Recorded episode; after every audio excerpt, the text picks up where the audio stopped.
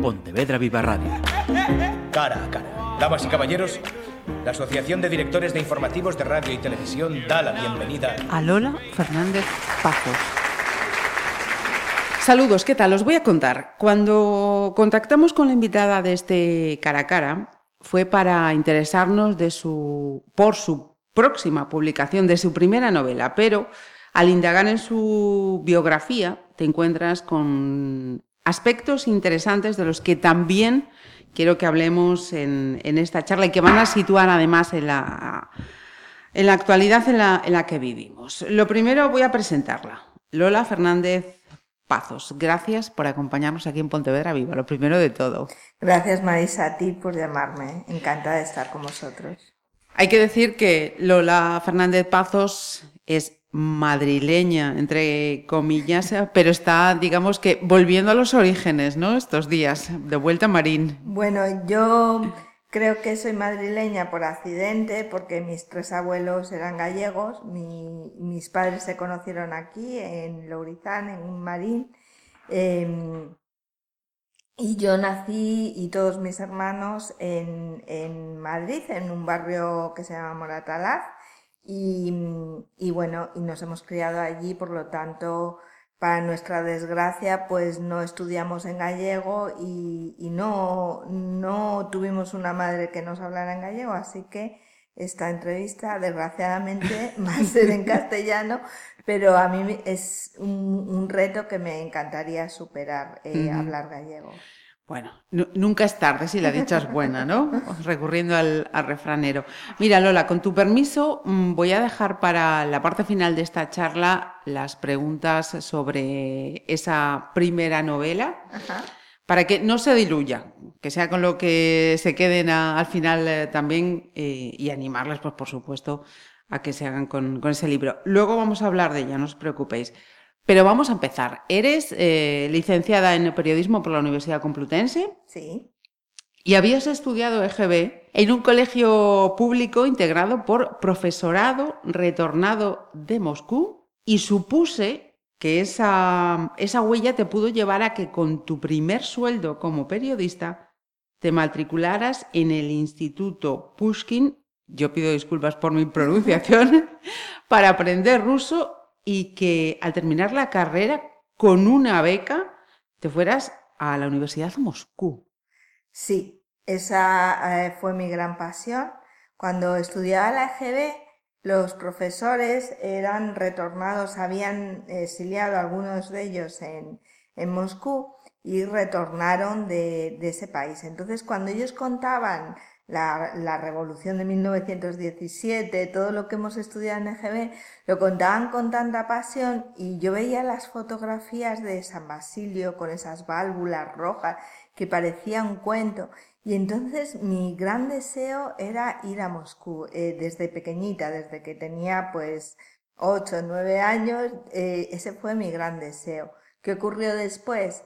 Pues cuando empecé en periodismo con mi primer sueldo, que fue en La Voz del Tajo del grupo Diario 16, pues decidí que iba a invertirlo en estudiar, ya estaba en Madrid, en estudiar ruso, un idioma que a mí me apasiona porque es muy diferente, el cirílico. Claro, totalmente. Y, bueno, tenemos que tener en cuenta que los rusos hablan con declinaciones, como si fuera el latín. El latín. Entonces declinan absolutamente todo, los pronombres, los sustantivos, los adjetivos y era un reto mental absoluto, ¿no? Entonces, bueno, pues además yo venía de la rama de letras puras, de latín y griego, sí. Y entonces yo declinaba bien y me encantaban las lenguas clásicas y todo eso. Entonces, bueno, pues a mí no me costó demasiado aprender ruso, en el sentido de que sabía declinar y podía...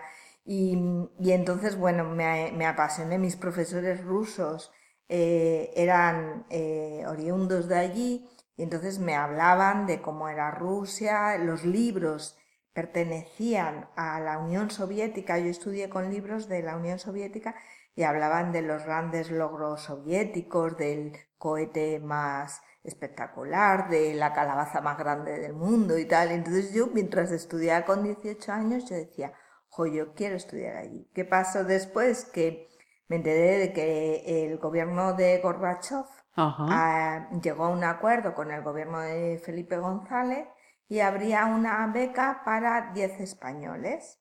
Y entonces, bueno, pues nada más enterarme, yo le dije a mi madre, mamá, voy a, tenía pues poquitos años, tendría pues 10 y algo, 19, una cosa así, y le dije, mamá, yo voy a, solicitar esta beca para estudiar en la Manosov, en la universidad pública, sería como nuestra Complutense, de Moscú, y mi madre me dijo, pensaría hasta que se vaya a Moscú, me dijo, adelante hija, porque yo soy un poco rebelde, por no decir mucho, y entonces me dejó, la eché, me la dieron, y sin lugar a dudas me fui a estudiar a, Moscú. y creo que fue la mejor experiencia de vida. Se lo diría a todos los jóvenes que no, no que se vayan a Moscú, pero que sí amplíen su experiencia de vida más que sus conocimientos, ¿no? Porque yo allí viví justo cuando se desplomaba la Unión Soviética que si os acordáis, Yeltsin se había montado en el tanque y tal. Entonces, ¿qué pasó? Que es un poco producto de la guerra que se está viviendo actualmente. Eh, era un sistema soviético donde cada república, pues uno eh, hacía el maíz, el otro hacía... Entonces, claro, unidos tenían sentido, porque daban de comer a toda Sí, hacían una gran potencia, efectivamente. Sí, sí, sí. Pero cuando se empieza a desmembrar, la comida no llega a Moscú. Esa es la época que a mí me toca vivir. Entonces, por muchos dólares que tuviéramos los 10 españoles, no teníamos dónde comer. Tuvimos que pasar hambre, tuvimos que pasar frío y vimos, eh, en ese momento eran las mafias vietnamitas quien controlaba el rublo y tal, y tuvimos que vivir situaciones de asesinatos y de incendios eh, para, bueno, eh, situaciones muy complicadas políticas que, que para nosotros nos pilló en medio a los 10 españoles, hizo que nos uniéramos mucho. me imagino, claro. Mis amigos siguen siendo mis amigos de, de esa etapa y, y, pasamos miedo, pasamos frío y pasamos hambre y sin embargo la recuerdo como la mejor experiencia de vida, Marisa. Caray, es que fíjate, cuando preparaba esto yo pensaba, digo, es que fue en un momento crucial de la historia de Rusia que además te tiene que dar eso, una visión que ya nos acabas de, contar, privilegiada para, no sé si, si es posible entender lo que está pasando ahora, pero sí te da una perspectiva, desde luego, en primera persona. Mm, ¿Durante cuánto tiempo estuviste, Lola? Pues mira, estuve el primer año, la beca fue de tres meses, durante el verano, moscovita, y luego pasamos a San Petersburgo.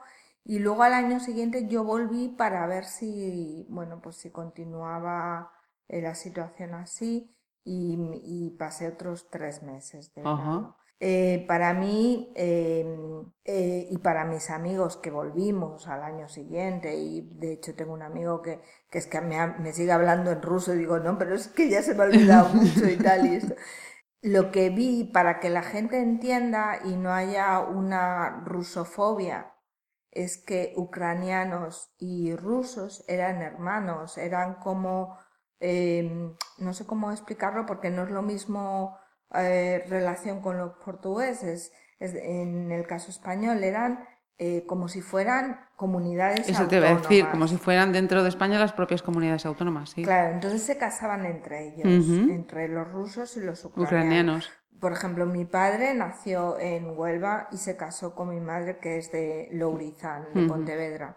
Entonces, pues eso era igual, se casaban entre rusos y ucranianos. Para mí era, hablaban el mismo idioma, para mí eran rusos iguales, porque a lo mejor si hablas de los mongoles que vivían en Mongolia, pues estaban más alejados, pero allí estaban pegados. Los rusos consideraban su sitio de veraneo mm, preferido el Chornimore, que es el Mar Negro, que ahora intentan. Entonces, es como si a un español mm, le quitas Sansenso, ¿no? Y dices, no, y ahora es mío o es tuyo o no sé qué. Y entonces tú dices, pero a ver si era de todos, ¿no? Entonces, ¿cómo, ¿cómo estoy viviendo la guerra? Pues con dolor. Con dolor porque eh, yo lo que amé de Rusia fue a su maravillosa gente. Cuando yo decía ya hispanca, ¿no? Y soy española, y ellos eh, me miraban llorando y me decían, no pasarán, ¿no? Y entonces a mí me emocionaba mucho que supieran tanto de la guerra civil española, española que algunos vinieran a luchar contra los a favor de, la República y que supieran tanto de nuestra historia. De, decías española y te hablaban de Cervantes, ¿no? Que dices, es que eso no ocurre ni, en España. Y entonces, claro, yo amaba a esos profesores que me enseñaban con tanta generosidad con tanta paciencia, porque enseñar ruso a un español es difícil, y, amaba a su gente. Y a su gente para mí eran ucranianos y rusos. Era lo mismo, mis profesores eran ucranianos. Sí, sí, sí, sí. Me vais a permitir que vamos a ir de nuevo atrás en el tiempo, en la vida de Lola, porque tras aquellos años de los que hemos hablado de EGB en aquel colegio con profesores retornados de Rusia, el BUP lo hizo en un centro del Opus. Fue un tránsito, digamos que de lado a lado, ¿no? Sí. Maisa, yo te, quiero explicar el por qué. Sí, Porque al final los niños se forman por sus padres, ¿no? Entonces mi padre era eh, una persona mm, progresista, eh, de ideología más cercana, vinculada a la República, y mi madre, como buena gallega, era de una familia pues mm, más cercana al centro o derecha. Muy religiosa, eh, excesivamente religiosa, incluso a veces yo pensaba, eh, será mi madre el Opus Dei porque era muy, muy religiosa. Entonces, la primera etapa de los niños la pasamos todos, porque mis hermanos también, eh, en Francisco de Luis, y que era ese colegio eh, liberal, reformista, eh, con niños y niñas y tal. Y luego, em, la, cuando hay que ingresar en BUP, que en aquel entonces teníamos 14 años, una cosa, 13, 14, mi madre impone su voluntad que sea en un centro del Opus Dei, a pesar de que yo me negué y, bueno, pero mis hermanos estudiaban también en el centro y no pude, lloraba cada vez que salía del cole, pero no pude convencerla. Y al principio me resultó totalmente extraño y duro porque venía de estudiar niños con niñas, de hablar de a incluso de las tonterías de los niños de 12 años cuando decían alguna palabrota o algo de esto y yo me tronchaba de risa y paso a un centro súper estricto, no nos dejan salir, em, solamente con niñas, con profesoras estaban más volcadas y preocupadas en, en esa rectitud, en ese... En la moral. En la moral que en lo que estudiabas, ¿no? Entonces eh, yo el primer año lo pasé llorando prácticamente y totalmente desubicada, pero luego es cierto que la imaginación se, ¿cómo decirlo?, se agranda cuando tienes límites. La imaginación cuando eres muy libre no vuela, pero cuando tienes límites, vuela. Entonces nosotros las niñas, que no teníamos culpa de nada, pues eh, como no nos dejaban salir, pues a lo mejor pues para comer algo en el recreo y tal, si se nos había olvidado el bollo o el bocadillo, pues poníamos cada una lo que teníamos de dinero y lo poníamos en, la, en las rejas y, y, al que pasaba le chistábamos para que comprara una barra de pan para todas y tal. Y nos reíamos tanto y, y la verdad es que fue, fue una etapa de mi vida, mm, quitando ese primer año, muy, muy feliz porque de hecho no nos pusieron ni la banda del cole ni no hicieron ceremonia de graduación por lo rebelde que habíamos sido todas las niñas. Toma. Y me encantó porque éramos todas, eh, éramos todas, bueno, no me voy a incluir, pero eran todas brillantes de matrícula de honor en el colegio. Fuimos eh, la clase que mejor nota media, de hecho son médicos, son ingenieras, son químicas y mm, la mejor nota, sin embargo, no fuimos la única promoción del colegio que no tuvo ceremonia, ni banda, ni nada, por lo mal que nos habíamos portado, por los rebeldes que éramos. Vamos a avanzar entonces un poquito más en el tiempo. Este feedback que estamos haciendo, adelante y atrás. Habías hablado de, esa etapa en Moscú. Sí. Tras esa etapa, regresas a Madrid, haces un máster de información económica y encauzas tu actividad profesional como periodista por este área en, diferentes medios. Desde ese bagaje profesional y, personal, em, ¿cómo ves el futuro económico más próximo aquí en España en este momento? Bueno, yo que soy tremendamente optimista por todo lo que hemos pasado, ¿no? Em, una crisis em, económica que empezó en el 2007, yo estaba en ese momento en cinco días del grupo Prisa y que se trasladó hasta 2015, podríamos, casi duró 10 años, como todas las crisis. Luego empezó un poquito la recuperación y enseguida nos ha venido otra vez la pandemia. Entonces, claro, los economistas siempre dicen que las recuperaciones o son en U o son en V. Eh, esta forma va a ser como de W. Eh, es decir, cuando caía íbamos a recuperarnos, pero enseguida volvió a caer, a caer por culpa de eh, la pandemia. Entonces la recuperación yo creo que va a ser abrupta. Es decir, no, no estoy sacando aquí la bola de cristal ni nada de esto, sino estoy eh, contando un poco las experiencias de otras crisis que he vivido escribiéndolas, pero también como persona que, consume, que, y que ha montado empresas y tal. Entonces yo creo que esta, esta recuperación va a ser como vuestra V de viva, ¿no? O sea, va a ser fuerte la recuperación. Y de hecho se nota ya en Madrid. Eh, acabo de llegar de allí y se nota en el trabajo. La gente que no tenía trabajo, y yo me muevo en un entorno, Marisa, que tú también conoces muy bien, que es el entorno periodístico, que hemos sufrido mucho porque a esas, a esas crisis se ha unido otra en nuestro sector, que ha sido la, la crisis de informática, es decir, em, la gente no compra periódicos, la crisis digital. Cambio digital. sí, el cambio digital a los periodistas nos dejó a todos sin trabajo, porque nadie compraba periódicos. Cinco días, ejemplares, lo que se dice ejemplares, casi ni vendía. Eh, expansión. ni siquiera los grandes periódicos eh, consiguieron atrapar a un lector que comprara el ejemplar. Entonces, a, las crisis que vivió todo el mundo, nuestro sector tuvo que padecer la crisis de la transformación digital. Y, a personas profesionales que conozco que no llevaban sin trabajar porque nos afectó tanto que hubo muchísimos seres. Mm, a mí me afectó el ERE de Prisa, del grupo Prisa, y daba igual, porque cada dos por tres te metías en otro medio y te volvía a afectar otro, o sea, era tremendo. Esa gente, a pesar de tener ahora una edad importante, empieza a encontrar trabajo. Y eso hace que yo vea que incluso los peores, los peores, empiezan a encontrar trabajo que no será de, de gente pues que esté buscando nuevas oportunidades, empresas que estén buscando inversiones.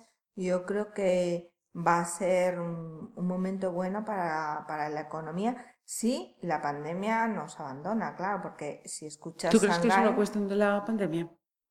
Bueno, yo creo que todo influye y influye la pandemia, influye la guerra, influye la, eh, la cadena A mí China me está dando un poco de miedito. A mí también. A mí también. Yo, mira, cuando...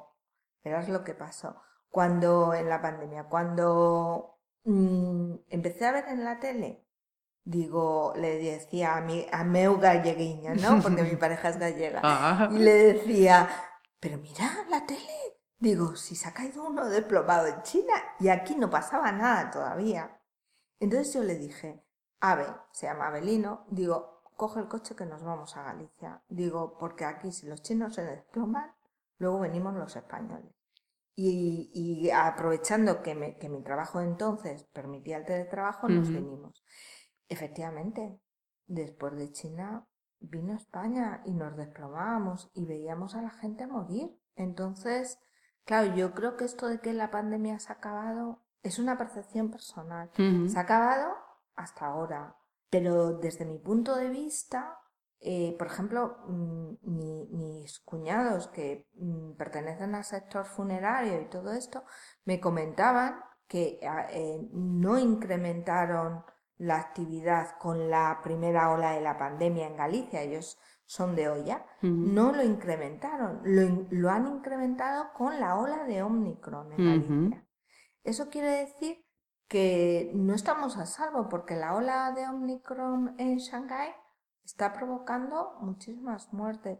¿Vendrá otra? Pues Dios no lo quiera, pero la verdad es que yo Quizás por, por, eso, porque mi pareja es biólogo, eh, le encanta analizar los virus y todo eso. Dice, no, es que a ver, a ver, yo no me voy a quitar la mascarilla. Y digo, pues si tú no te la quitas, yo no me la quito. A ver, perdónanos, estamos sin mascarilla ahora mismo. es verdad. Mira, eh, siguiendo con el ámbito económico, también tengo que decir que me gustaría ser tan optimista como estabas eh, empezando a ser. Eh, tras leer varios de tus artículos, he dicho, mm, voy a preguntarle por, una de las cuestiones que, he leído en particular. ¿Por qué sigue estando tan mal visto hablar de dinero, de cuánto ganamos, de lo que se pagan las empresas? Me encantó ese artículo porque en el fondo eh, es una realidad tan española. Sí, sí, totalmente. Porque claro, cuando, cuando yo visitaba a mis primos en Londres y tal, que son ingleses, no hablan español, mm, me decían, ah, pues fíjate, he hecho la esta y me van a pagar no sé cuántas libras y tal, y entonces con el bonus se me pone, y entonces yo decía, fíjate, ¿lo dice? Con toda naturalidad. Es. A nosotros nos cuesta muchísimo hablar de ese tema. Yo creo, ¿cuál es el pecado nacional, Marisa? La envidia. Pues... Uno de pues ellos. Pues Mm, si dices tu, tu sueldo vas a provocar envidias. Entonces, pues, si es, si está bien. Y si no, se van a reír de ti. Entonces, yo creo que en esa tesitura está el por qué no hablamos de dinero. O sea, yo creo que la gente no quiere despertar envidias cuando cobra mucho y cuando cobra poco, pues no quiere que le digan que pringao eres. Yo generalmente... Sí, pero yo creo que eh, esa mm, apertura, esa naturalidad, hablando de eso, eh, aliviaría muchos problemas que tenemos ahora mismo, en este, en este momento. Saber realmente cómo está la sociedad española. Cómo está la sociedad española, cómo están eh, tus compañeros de trabajo, porque al mismo, al mismo trabajo requeriríamos el mismo salario, ¿no?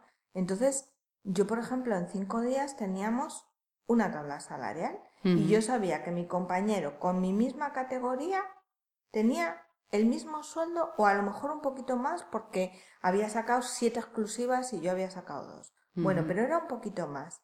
Lo que me he encontrado en empresas más pequeñas, que además es el tejido empresarial que abunda en, este Galicia, si le quitamos Inditex y tres o cuatro empresas más, Pescanova y tal, lo que abunda es que cada uno cobra lo que el jefe le ha dado a entender. Y entonces digo, no hombre, eso no, eso está más regulado. Es decir, eh, para que no haya distinción de discriminación de género en, en los trabajos, deberá haber una tabla salarial, da igual si es un hombre o si es una mujer, da igual si, en fin, luego si uno tiene bonus porque es más eficiente o si uno tiene eh, más antigüedad o pues bueno, cada uno cobrará, pero la base tiene que ser la misma. Mira, desde los 23 a los 40 tu trayectoria pasa por diferentes medios también. Sigues mm, conociendo más, más mundillo. Haces un grado en la UNED de estudios ingleses y trabajas para la Comisión Nacional de los Mercados y la Competencia y agencias de comunicación. Entre paréntesis tenía previsto, porque esto también eh, lo vi. ¿Has echado de menos el corresponsal, como habías pensado en algún momento de tu vida? Sí, siempre echaré de menos haber vivido en un país años, 10 años, siempre lo echaré de menos. Y de hecho a veces lo sueño y digo, ay, mira, este trabajo en Nueva York, pues yo me veo en Nueva York. sí. Mira, ¿volverías a estudiar eh, periodismo o te lo replantearías? Siempre, siempre. Porque yo siempre lo he dicho, yo no me he considerado, cuando he tenido que ir al otro lado de directora de comunicación, yo siempre me he considerado periodista que intentaba buscar los temas que podían ser atractivos para mis compañeros que estaban ejerciendo dentro de la empresa. Me, me creía a mí misma un papel de, periodista investigadora dentro de esa comisión del mercado de las telecomunicaciones y competencia. Y, me sentía bien eh, haciendo entrevistas, buscando temas que el presidente pues a lo mejor no sabía que era un tema atractivo para el periodista. Siempre volvería a ser periodista porque a mí lo que me gusta es escribir. Pues vamos a la faceta de escritora, Lola. El Pazo de Lourizán va a ser tu primera novela, pero tú ya tienes un título publicado. El amor en tiempos de Tinder, manual urgente para triunfar en redes de contacto. Esto está escrito desde la experiencia, desde la observación barra investigación. No, no, yo soy periodista y yo me meto en el terreno y yo hago investigación de campo. No me sirve. Sí, fue un libro que voy a contar. Por favor. Em, con todo el dolor de, y mi pena, porque mi madre falleció de manera inesperada en una operación. Y cuando se lo dijimos a mi padre, pues él casi perdió la cabeza y hubo que cuidarle. En todos esos momentos donde le cuidaba, yo me sentía, porque cuidar a una persona que es dependiente exige mucha capacidad mm, psíquica, yo sentía que en, esas, en esos momentos yo necesitaba distraerme con algo. Y entonces una amiga me dijo, anda tía, pues métete en Tinder, tú que estás soltera y todo eso. Bueno, em, mi relación de pareja había ido mal y, entonces le dije, ¿y eso qué es? Y me dice, que sí, que sí, mira, mira. Y digo, uy, pero... Y entonces dije, pero esto, esto tiene un libro. Entonces dije, eh, bueno, puedo intentar conocer a gente tipo con el WhatsApp, pero en Tinder, y, y hablar por esos momentos donde mi padre dormía, pues, pues yo eh, mantener conversaciones, intentar conocer a alguien, y luego, ¿por qué no? pues mm, si la vida me da la oportunidad de conocer a alguien majo y tomarme un café, siempre hacía tomar cafés con gente. Y digo, pues ¿por qué no? Y entonces, de esa experiencia de quedar con una persona, quedar con otra, es cierto, Marisa, que he sido muy honesta porque yo cuando quedaba con algún chico o algún hombre, eh, le decía, mira, me ha encantado conocerte, el café ha sido estupendo, pero yo estoy escribiendo un libro, ¿te importaría si, sin citar tu nombre ni nada, pero que utilizarla algún, para algún rasgo, ¿no? Y entonces ellos me decían, no, no, por, supuesto, escríbelo, no tenemos ningún problema. Y, y escribí ese libro que aún hoy eh, la gente me lo sigue pidiendo, de hecho me decía Mm, en el último trabajo que tuve, por favor, dime dónde lo puedo conseguir, porque al final era como un, un manual, pero lo que hice fue eh, coger mi autora preferida, que es Jane Austen, y hacer como que Jane Austen viniera al siglo XXI y ella aconsejara desde su punto de vista, porque para mí Jane Austen y toda su obra eh, significa eh, ser casi la primera em, mujer que reivindicaba el derecho de decidir lo que ella quisiera. No el derecho de ser feminista ni nada, sino de decidir lo que ella quería. Y ella, en sus 42 años de vida, decidió que no quería casarse porque evidentemente el amor de su vida pues se había ido, era algo que era imposible ella y lo llevó a cabo, porque ella decía que, ser independiente y ser una mujer que, que pueda ganarse la vida por sí misma, ella lo intentó con su obra, era lo mejor que le podía pasar a una mujer. Y yo reivindico eh, reivindicaba Tinder, pero no desde el punto de vista de los hombres de estar ahí y lo que el hombre quiera tú lo haces, no, pues te tomas un café y si luego has visto que ese hombre no va contigo, pues le dices adiós muy buenas y ya está, porque entonces la gente se extrañaba, decía, ¿cómo adiós muy buenas? O sea, es que yo, eh, eh, al final se trata un poco de que la mujer también tiene el poder de decidir ¿no? en la relación. Bueno, pues ya que te preguntan, ¿dónde se puede conseguir? Bueno, yo creo que El amor en tiempos de Tinder sigue, es de la editorial Caligrama y sigue activo en Amazon y, todo eso. Entonces, bueno, pues la gente que, lo quiera leer es una tontería del libro, también lo digo. O sea... Bueno, pero también hay momentos de lectura que, que lo piden. No tiene que ser todo concienzudo, sesudo y tal. Hay momentos para todo. Hay momentos para el amor en tiempos de Tinder y hay momentos para el pazo de Lourizán. O los va a ver en breve. Todavía, todavía no, mientras estamos hablando, pero será prontito. Pasamos entonces al Pazo de Lourizán. Y hubo otra cosa en relación a este libro que ya también me llamó la atención, máxime después de lo que me acabas de decir con este anterior libro. Comenzaste a escribirlo un día después de fallecer tu padre. Sí. Em, el Pazo de Laurizán ha existido en mí siempre, ¿vale? Entonces, eh, desde, pero desde el momento en que una persona me dice, Lola, yo te lo voy a contar, te voy a contar esta historia, pero tú eres periodista o vas a estudiar periodismo, te estoy hablando de los 18 años, vas a estudiar periodismo y, y, escríbelo, cuéntalo. Y entonces, claro, yo dije, qué, qué responsabilidad, ¿no? Que alguien te diga, eh, escribe este libro y, no solo eso, sino públicalo y tal y esto. Y no podía, Marisa, no podía, porque las emociones, a veces un escritor eh, intenta separar lo que, lo que siente de lo que cuenta y, a veces no lo consigue. en, en mi caso yo no podía, esa era la realidad, no podía porque lloraba. Y entonces dije, bueno, pues será que el destino lo quiere así, que no exista este libro y que no pueda ser, porque lo había intentado varias veces, pero no, no era capaz de escribir porque entonces al final eh, dije, bueno, pues lo acepté. Aparte que nuestros horarios son horrorosos y escribir exige mucho tiempo y pensar exige mucho tiempo y acepté que ese libro no iba a salir.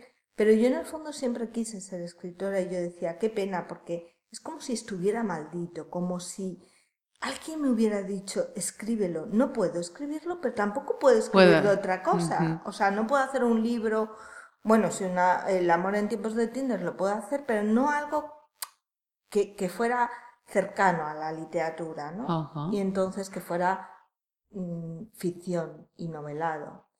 Y entonces, em, em, cuando mi padre, al cabo de morir mi madre de pena y por su proceso, fallece, em, yo empiezo a decirme a mí misma, acuérdate Lola, acuérdate de lo que pasó, acuérdate. Y en esas frases yo no encontraba la voz narrativa, el personaje que narrara toda la historia. Y en esas frases cuando yo empiezo, acuérdate, acuérdate, no, no lo olvides, no olvides. Y entonces dije, esa es la voz. Que entonces vamos a la siguiente cuestión, o otra de las cuestiones que también tenía previsto. No es habitual escribir en segunda persona, pero nos acabas de explicar ya el por qué. Sí. Porque es mi conciencia. Sí, sí, sí, sí, sí. Es mi conciencia la que me va diciendo acuérdate, no lo olvides, tienes que sacarlo, tienes que poder eh, contarlo. Eh, es decir, mm, a tu edad ya tienes que poder contarlo, ya tienes que superar tus mm, tristezas, tus emociones, tienes que ser más fuerte, tienes que contarlo, porque lo prometiste. Y, y la verdad es que me puse y, y lo hice el primer borrador en dos meses. Caramba. Sí. Caramba. Y, entonces lo hice y dije, bueno, pues mm, el borrador ya está. Y entonces dije, porque la gente me decía, mira Lola, eh, nadie te va a publicar un libro, no conoces a nadie en el mundo editorial, luego mm, periodistas amigos que habían hecho novela y tal, les pedía ayudas y, este mundo del mundo editorial es muy cerrado y, yo no quería que me dieran teléfonos ni fuentes ni nada porque un periodista son sus fuentes y eso lo respeto en absoluto, pero que me dijeran cómo moverme. Y la gente era muy hermética. Y entonces dije, bueno, pues si la gente es hermética, están en su derecho, así que yo voy a saber cómo, y empecé a ver tutoriales de cuando uno tiene una novela, qué pasos tiene que seguir. dar para... y, y entonces, pues yo iba llamando a agentes literarios por mi cuenta, pues como si fuera directora de comunicación de Lola Fernández y tal. Y, y, hubo ya una persona en Barcelona que a través de las redes sociales, de LinkedIn, comuniqué con él y me dijo, pues pásamela. Y, y que es Pau, que es mi agente literario, que es una belleza de persona, y, y entonces me dijo, Lola, yo te represento. Y, y entonces empezó a tratar que las editoriales eh, lo leyeran, hasta que consiguió que un ángel lo leyera, porque mi editora es un ángel y aparte había estudiado en el mismo colegio que yo. Toma había vivido en el mismo barrio que yo, en Moratalá, sí. Y eh, se llama Elena y bueno, la verdad es que la aprecio un montón. Y, y fue, fue Elena la que dijo, venga Lola, vamos a trabajar, vamos Adelante. A, hacerlo. Por supuesto que no vamos a hacer spoiler, pero así que nos narras. Ponnos ahí esa nota de, de avanzadilla. bueno, pues cuando alguien me ha dicho de qué va la novela, lo he contado así. Digo, esto es una niña que en mitad de una transición, ella no entiende nada porque es una niña, no sabe por qué no se puede hablar, no sabe por qué todo es silencio, todo es secreto, y observa cómo su madre eh, recibe unas cartas ribeteadas eh, con el ribete rojo y azul, que era muy típico de aquella época. Y ella no entiende cómo su madre les lee las cartas que tienen el sello de ese señor tan feo, que era Franco, y la otra, la bonita, la que tenía los ribetes, las esconde. Y esa niña no se le va a olvidar esa, esa imagen, nunca, a lo largo de su vida. Y cuando esa niña cumple 18 años, decide ir al lugar donde alguien le va a contar quién es el remitente y qué es lo que esconde. Ajá. Y el Pazo de Laurizán. Sitúanos, ¿por qué el Pazo? ¿Qué hay de el Pazo en la novela? Bueno, el Pazo de Laurizán eh, para mí es como el Pemberley de Jane Austen, donde eh, Mr. Darcy y Elizabeth Bennet se encuentran y para mí era increíble tener ese paz al lado de, porque, bueno, yo compré una, un piso aquí en Marín y que nadie, mucha gente no lo conociera y que algo tan maravilloso, tan esplendoroso, no lo visitaban todos los días y yo decía, pero si yo estuviera aquí iría todos los días a verlo, ¿no? Eh, porque no es un pazo al estilo, es un palacio, ¿no? Un palacio como lo, lo conocemos. Y, y, y, luego es que el Pazo de Lourizán es, si, si yo siempre digo, ¿no? Em, yo existo gracias al Pazo de Lourizán, porque mi padre eh, decidió estudiar forestales. claro. Aquí. Y entonces yo, claro, para mí em, era como, gracias a que él vino, mm, conoció en Marín a mi madre en el Paseo de la Alameda y nací yo. Entonces recuerdo que yo cuando ya pues fui profesional, gané dinero, compré este piso en Marín y yo lo compré para ellos, ¿no? Entonces cuando venían de vacaciones ellos decían, mira mamá, aquí empezó todo. Y me parecía tan bonito y decía, jo, es que es gracias a que existió la primera escuela de forestales en Marín y, que mi padre volvía a sus orígenes porque mi, abuelo es de Redondela, mi, se casó con una andaluza pero era de Redondela. Entonces él volvía a sus orígenes, yo he vuelto a mis orígenes. Para mí Galicia son mis padres, es mi familia, es mi tierra. Y el Pazo de Lourizán es como la joya de la corona. y entonces, en algún momento se pensó quitar ese título a la novela, porque a lo mejor no iba a traer o, incluso porque mi apellido rozaba con... Yo eso sí que no mm, luché contra viento y marea para que la... Para que se mantuviera. Porque también en el fondo em, yo quería que lo mimaran y lo vieran como yo lo veía, que todo el mundo lo conociera y que no se cayera a trozos, por Dios, que no se cayera a trozos. Y yo decía, si la Junta y la Diputación de Pontevedra ven que la gente viene, que quiere ver el lugar donde se desarrolla la novela, lo van a recuperar, lo van a recuperar. Y bueno, el, hecho de que la literatura sirva para nuestro patrimonio gallego, que digo nuestro porque mi corazón es de aquí, y que, y que por favor, que, que, que algo que tenemos que es tan bello, no solo eso, sino nuestras playas, nuestro entorno, que, que, se piense más en eso, que al, cabo de los años la economía va a resurgir de eso y que no se piense eh, en lo inmediato. Ejemplos múltiples de cómo la literatura, autora, estaba pensando en autoras concretamente, han atraído a turismo aquí en Galicia, tenemos de, de sobra y ojalá este caso, el Pazo de Lourizán, sea otro más. Fechas de publicación, ¿cómo está todo ese proceso? bueno, pues ya está, estamos en preventa ya, eh, desde el 1 de abril, eh, todo el mundo lo puede comprar en, las plataformas que hay literarias. Y, entra en las librerías el 11 de mayo. Y, y, ese 11 de mayo, que para mí va a ser muy bonito y muy especial, eh, Arancha Portavales viene a Marín para ayudarme a, presentar ese libro a, pues a los marinenses, a los pontevedreses. Y luego mm, yo también estudié en la Escuela de Letras eh, durante la pandemia y, vamos a hacer una clase así pequeñita también en Pontevedra y en la FNAC de Vigo y en la FNAC de Coruña. Perfecto. Lola, de verdad que ha sido un gustazo esta charla y muchísima suerte con el libro y con tus eh, proyectos personales y profesionales. Muchas gracias, Marisa. Ha sido un placer conocerte. Pontevedra Viva Radio.